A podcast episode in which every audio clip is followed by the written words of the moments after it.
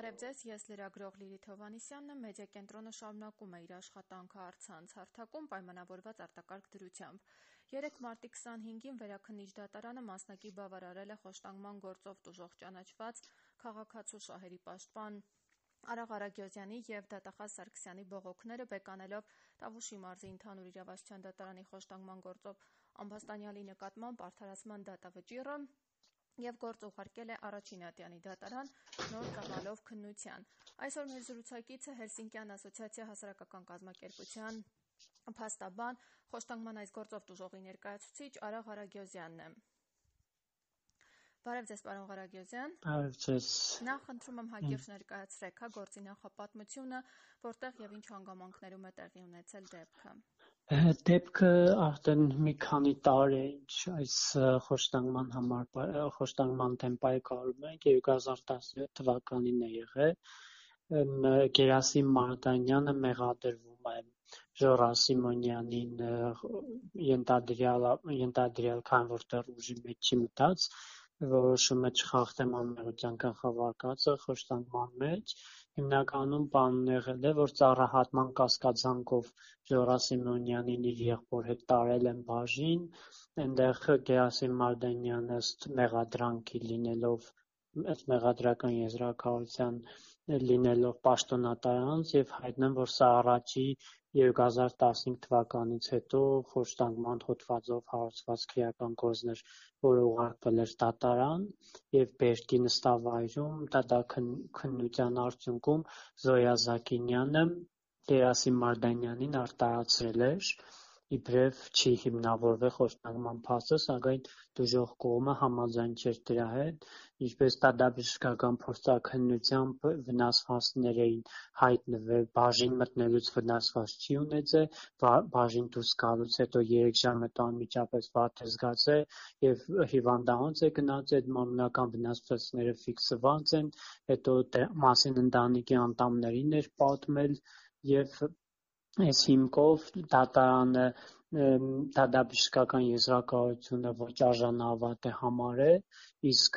տուժողի ընտանիքի եւ տուժողի ցուցմունքները արժանավատ չի համարել որպես շահագրգռված անձ, սակայն արժանավատ է համարել իր գործընկեր ոստիկանների ցուցմունքները, որը ընդհանրապես Եվրոպական կոնվենցիայի տեսանկյունից արժանավատ չէր կարող համարվել եւ իմ եւ Տադախազի Վարդգես Սարգսյանը, որը գլխավոր տվյալահարության տվյալահարը շատ նրանից շնորհակալ եմ, որովհետեւ շատ կարևոր ձևով պաշտպանեց մեղադրանքը դատարանում եւ վերաքննիչ դատարանում այս մեր իմ եւ Սարգսյանի վերաքննիչ բողոքները բավարարվել մասնակի բավարարվեցին գործը ուղարկելով Արաքյաջյանի դատարան նոր քննության, քանի որ դեռ որոշումը չեմ ստացել, չգիտեմ ինչ ծավալով Արաքյաջյանի դատարանը պետք է քննի, բայց ամեն դեպքում մենք վերաքննիչ դատարանից ակնկալում ենք, որ խոշտանգման փաստը կճանաչվի, որովհետև դեռ Եվրոպական դատարանից ընդդեմ Հայաստանի Հանրապետության ունենք 12-ից ավելի որոշումներ, սակայն դեռ Հայաստանի դատարաններում որևէ դատարանի կողմից չի ճանաչվում խոշտանգման փաստը։ Որոշումը ստանալուց հետո կպարզ լինի, կբողոքարկենք վճռապետ դատարան թե ոչ, բայց սա էլ էր շատ կարևոր որոշում, քանի որ ի վերջո դատարանները հասկանում են, որ խոշտանգումները, անմարդկային վերաբերմունքը չի կարելի տենց մատների արանքով նայել եւ ի վերջո պոզիտիվ պարտականություն է ստանձնել պետությունը, պետք է իրականացվի, տեսնենք ընթացքը, ընթացքը ինչ կլինի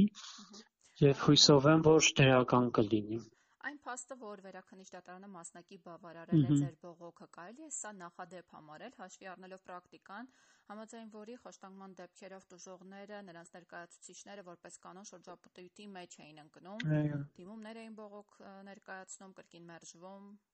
Հիմնականում այո, միանշանակ կարելի է համարել, որովհետև գիտեք, հիմնականում խոշտանգման հիմքով չի հարուցվում կամ արարքը վերավորակում է լիազորությունների անցմամբ, անընդհատ բողոքներ է ներկայացվում, գործը փակուղի է տանում, ի վերջո գնում ենք եվրոպական դատարան, սա նրանով է այս գործը կարևոր, որ ի վերջո այս գործով առաջի անգամներ 2017 թվականին, որ հadoop քննչական ծառայությունը խոշտանգման հիմքով առաջի պաշտոնյային հենց այդ հոդվածով հարցրեց եւ գործը ուղարկեց դատան, սակայն ցավոք սրտի մեր տադական համակարգում դատարանները չեն կարող արդյունավետորեն քննել խոշտանգման գործերը նույն դժողների հետ շփվելով նույն Զոյա Զակինյանը ողջ տադարքնության ընթացքում իր կահակալ վերաբերմունքը դրսևորեց եւ ի վերջո արտահասման տադականակ կայացրեց միանշանակ եթե այս որոշումը ուժի մեջ մտնի այս մասով ես բարձրագույն տադական խորհուրդ եմ դիմելու ի վերջո նման տադականներ կայացնող դատավորները պետք է նաև կանգնեն կարելի է ասել բարձրագույն տադական խորհրդի առջև եւ պատասխան տան թե խոշտանգման գործերը ինչ են նման ձևով քննվում եւ հույսով եմ որ իսկապես իհարկե մեծ հույսեր չունեմ բարձրագույն տադական խորհրդից որ ինչ որ բան կլինի, սակայն ես որպես դժոխք կողմ պետք է արդյունավետորեն պաշտպանեմ իմ պաշտպանյալների շահերը անպայման այս հարցը եթե հիմա մենք դժոխք կողմը կամ մեղադրանքի կամ պաշտպանական կողմը չփողոքարկի ուժի մեջ մտնի անպայման ես այս մասով պետք է դատավորի պատասխանատվության հարցը բարձրաձայնեմ կարգապահական Շատ լավ։ Քիչ առաջ դուք նշեցիք, ընդգծեցիք, կարևորեցիք, հա, այսպես դատախազի աշխատանքը, բայց երբ մեղադրական եզրակացությունը հաստատվել էր դատախազության կողմից, գործող մեղադրանքը պաշտպանելու համար լիազորվել էր մարզային դատախազության դատախազը եւ այս առնչությամբ դուք մտահոգություն եք հայտնել, որ մարզային հա։ դատախազները կաշկանդված են Այդ մասով ես բան էի բարձա մամուլով բարձրացրել էի այդ հարցը նախաքնության նկատմամբ Վարդգես Սարգսյանը հսկողություն իրականացրել, որը շատ լավ հսկողություն է իրականացրել, նաև հետագայում դատանում մեղադրանքը շատ արդյունավետորեն պաշտպանել է, սակայն երբ որ գործը ուղարկվեց Բերդի դատարան, Իջևանի դատախազությունից էին դատախազ լիազորել եւ առաջի դատա իրական նիստից պարզ էր, որ այդ դատախազը չի կարողանալու կարգանդված է, չի կարող մեղադրանքը պաշտպանել արդյունավետորեն ես այդ մասով համ դիմել էի դատախազություն, համ այդ մամուլով էի այդ հարցին անդրադարձել, սակայն լավ է, որ գլխավոր դատախազությունը իր դիրքորոշումը փոխեց եւ գործը վերահսկող դատախազը երկրորդ դատական նիստից եկավ եւ իսկապես շատ մեծ շնորհակալություն եմ հայտնում, որ նման դեռ դատախազությունում կան դատախազներ, որ խոշտանգման գործով նման որոշումներ են կայացնում եւ սա առաջի գործը չի, որ ես առնչվում եմ այդ դատախազի հետ ինքը շատ, չգիտեմ, նման դատախազներին պետք է միշտ պահել, որ կարողանան եւ նմանատիպ գործերը նման պրոֆեսիոնալ անձանց պետք է հանձնվի, որ իսկապես դժող կողմը կատարի զուտ միայն դժողի իրավունքի պաշտպանությունը, ոչ թե մի հատ էլ դատախազի չաշխատելու պարագայում մի հատ էլ դժող կողմը ստանձնի դատախազի լիազորությունները եւ մեղադրանքը պաշտպանի այս դեպքում միայն ես դժողի իրավունքներն էի պաշտպանում քանի որ Տադախար Սարգսյանը շատ լավ մեղադրանքը պաշտպանում էր, որը շատ դրական եմ գնահատում որպես խոշտանգումների գործերով զբաղվող փաստաբան հետաքրքիր է դուք նշեցիք որ սա փաստորեն 2015-ից հետո առաջին գործն է որ պաշտոնային արարքը որակվել է որպես խոշտանգում Որպես կանոն Հայաստանի դատական պրակտիկան բավական քիչ են այսպիսի գործերը։ Այո։ Խոշտանգման մեղադրանքով քրեական գործերը կամ դատարան հասնում, այո, դուք ինքներդ են բազմիցս բարձրաձայնում եք այդ մասին։ Որպես տուժող ճանաչված քաղաքացու ներկայացուցիչ, ինչով եք պայմանավորում քիչ թե շատ այս հաջողությունը, հա։ Միգուցե տուժողների հետևողականության արդյունք է։ Հիմնականում միանշանակ բան տուժողները պատկերացրեք հիմա մինչև հիմա են խոցելի գտնվում։ Հիմա քանի տարի արդեն 2017 թվականից անցել է մի քանի տարի, սակայն պատկերացրեք տուժող կողմը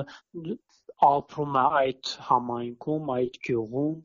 ու ամեն անգամ իրենք խոցելի են նույն այդ ոստիկանները թեպետ հիմա Գերասիմ Մարդանյանը ժամանակավորապես կասեցված իր լիազորությունները, սակայն իրենց իր գործընկերներն են այդ ոստիկանական համակարգում եւ անընդհատ պատկերացրեք այդ ընտանիքը ինչ վախի մեջ է ապրում ու բան այստեղ մի խնդիր կա որ պետությունը ցավոք սրտի դեռ նույնիսկ հեղափոխությունից հետո խոշտանգման զոհերի առանձնահատուկ վերաբերմունք չի ցուցաբերում նույն այդ վերականգնողական աշխատանքները բան հոգեբանական աշխատանքները բժշկական աշխատանքներ չի տարվում զոհի հետ, բայց մենք բոլորս գիտենք, որ եվրոպական դատարանով պետք է այդ ամեն ինչը տար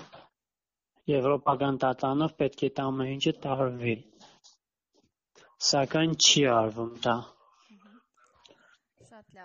Ցավոք սրտի, բան է նաև այդ կոնվենցիայի իմաստն է, որ պետք է նաև պետությունը այդ ամեն ինչից հետո վերականգնի զոհին, որ կարողանա լիարժեք այդ տուժողը ներգրավի այդ հասարակության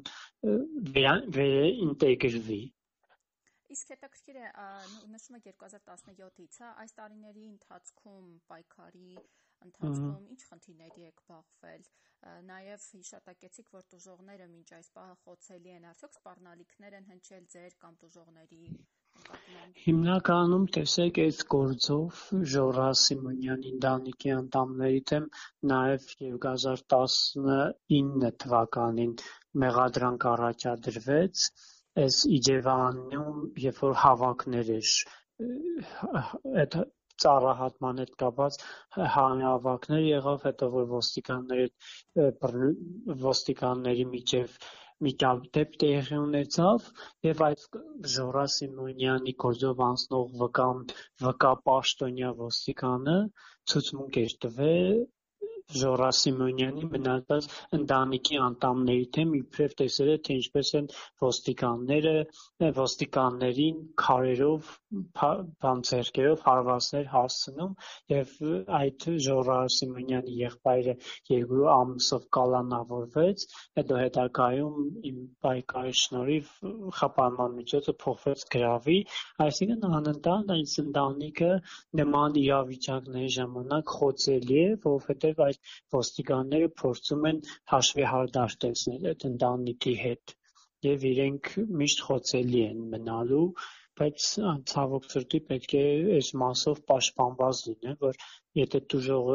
պաշտպանված չլինի, ինքը երբևիցե չի հայտնի այդ խոշտանգման դեպքի մասին, իմանալով, որ հետագայում ամեն անգամ իրանից կարող է հաշվեհարդար տեսնել։ Ցավոք սրտի պրակտիկայում այդ երևույթը կա ինչպես նաև սուտ մատնությանն են։ Հա, հիմնականում նաև սուտ մատնությունն են գործիք դարձնում, որ չհիմնավորվի քո դեմ է գործը շուր գալու շատ դեպքերում դժողներն են բաներ անում, հետ կանգնում, իրենց բողոքների մինչև վերջ չեն պնդում, սակայն բան այս տարիների ընթացքում 2017 թվից հետո մի քանի գործ խոշտանգման այս հոդվածով ուղարկվել է դատան, որից նաև գիտեք Արմեն Աղաջանյանի գործներ, որը նորից բանի կողմից ոչ թե խոշտանգման հա, փաստը ճանաչվեց, այլ վերավորակվեց լիազորությունների անցում, որը արդեն իսկ մենք թե դատախազը նորից Վարդգես Սարգսյանն է դատախազը թե ինքը, թե իմ կողմից արդեն իսկ վերաքննիչ բողոքներ ներկայացրել է դատան, հույս ունենանք վերաքննիչ դատանում արդյունավետ կքննվի եւ իսկապես կճանաչվի խոշտանգման փաստը եւ բազմաթիվ ունեմ խոշտանգման գործեր թե զինծառայողի նկատմամբ թե քրեակատարողական հիմնարկում տեղ ունեցող բայց դեռ խնդիր է մնում, քանի դեռ պետության կողմից չի ճանաչվել այդ դեպքերը ու չի այդ անձանց իրավունքները չի վերականգնվել։ Լավ, եւ վերջին հարցը խոշտանգման հանցակազմով փաստորեն դեռ ոչ մի պաշտոնյա Չէ, Հայաստանում դե դեռ չէ, որևէ պաշտոնատարանց չի պատասխանատվության ենթարկվել, դատարանները իմ կարծիքով դեռ այդ կամքը չունեն, որ իսկապես ճանաչեն, քանի որ սանկցիան դիսպոզիցիան ծանր պատասխանատվություն է նախատեսում 4-ից 8 տարի, երևի դա կաշկան կաշկանդվածություն է առաջացնում բայց ի վերջո պետք է դատարանների կողմից այդ խոշտանգման փաստերը ճանաչվեն, եթե ոչ եվրոպական դատարաններ ճանաչելու եւ Հայաստանի դեմ անընդհատ պատժամիջոցներ են լինելու մեր pedagogan PJ-ից դժողների փոխհատուցման խնդիր է լինելու, ի վերջո պետք է հարցը լուծվի։ Հայաստանը ժամանելու խոշտանգման գործերով հանձնաժողով, Հայաստանում խոշտանգման բազմաթիվ գործերի առնչությամբ ինչ արձանագրումներ կունենան եւ դա արդյոք իր ազդեցությունը ինչ որ կերպ կունենա պրակտիկայի վրա։ Միանշանակ այդ հանձնաժողովները ինչպես նու եւ նաեւ մոռացա խոսել հակակազով, որ հիշում եք 10 տարի առաջ ցուսմունք էին կորզել, այդ դուժողից հիմա կորզը վերապոցված է, հիշում եք բան ձեր տերն էլ էր մեծ, որ մենք ասուլից տաղուց հետո արդեն երկու հոգու մեղադրանք են առաջադրել, լիազորությունների անցման հիմքով, դա էլ էր կարևոր, քանի որ հիմա հիշում եք այդ գործով խոշտանգումների կանխարգելման կոմիտեն այդ հակակազը այդ փաստը արձանագրել էր, սակայն այդպես էլ այս տարիների ընթացքում չպարզվեց, թե ու պետությունը չպատասխանեց, թե այդ հակակազը, որ, որի վրա արուն էր որտեղից, ի վերջո տեսակ հիմա 10 տարի հետո այդ դեպքը վիդեոն երբ որ հրապարակվեց, նոր բացահայտվեց, միանշանակ եթե հանձնաժողովը գա, շատ խոշտանգման դեպքեր իմ մասին, թե Հելսինկյան ասոցիացիան, թե եւ իմ մնացած իրավապաշտպան կառույցները կներկայացնեն, որովհետեւ շատ գործեր իրականում կարճվում են ու ցանկություն չկա տվյալահաշվության եւ հատուկ քննչական ծառայության կողմից բացահայտելու, բայց դրանք ինչպես գիտեք բանակում են բազմաթիվ խոշտանգման դեպքեր անմարդկային, որի արդյունքում էլ զինվորները ինքնասպան այդպես են որակում որպես ինքնասպանություն, բայց դա մեր խորին համոզմամբ ինքնասպանություն չէ, որովհետեւ դա էլ է անմարդկային վերաբերմունք է, թեկուզ ինքնասպանություն լինի, բայց դաժան վերաբերմունքի արդյունք է, որ դժողները այդ քայլ բաժին են դիմում թե քրեակատարողական հիմնարկներում, թե հոգեբուժական հաստատություններում եւ կիսափակ եւ փակ հաստատություններում բազմաթիվ նման դաժան դեպքեր է գրանցվել, ցավոք նաեւ արձանագրվել այո նույնիսկ հեղափոխությունից հետո այդ խնդիրները դեռ չեն լուծվում։ Շատ լավ, շնորհակալություն եւ եթե որոշակի ակնկալիք ունեք այդուհանդերձ այս գործի առնչությամբ պայմանավորված քիչ թե շատ, հա, ընթացիկ հաջողություններով, խնդրեմ այդ մասին ասեք։ Որ ճիշտ ասեմ, ես միշտ դրական եմ տրամադրված, հույսով եմ, որ եթե չփոխկարգումներ լինի, գնա առաջ Այջանի դատարան, թե ինձ ծավալով է գործը քննվելու չեմ կարող ասել, բայց արդեն իսկ այստեղ Եվրոպական կոնվենցիայի խնդիր կա, խոշտանգումների գործերը պետք է անհապաղ եւ արդյունավետորեն քննվեն, իսկ 4 տարի անց գործը ուղարկել նորից նոր դատարան քննության արդեն իսկ Եվրոպական կոնվենցիայի երրորդ հոդվածի խախտում կա եւ հույսով եմ առաջ դատարանը այս որոշումը տաս կլինի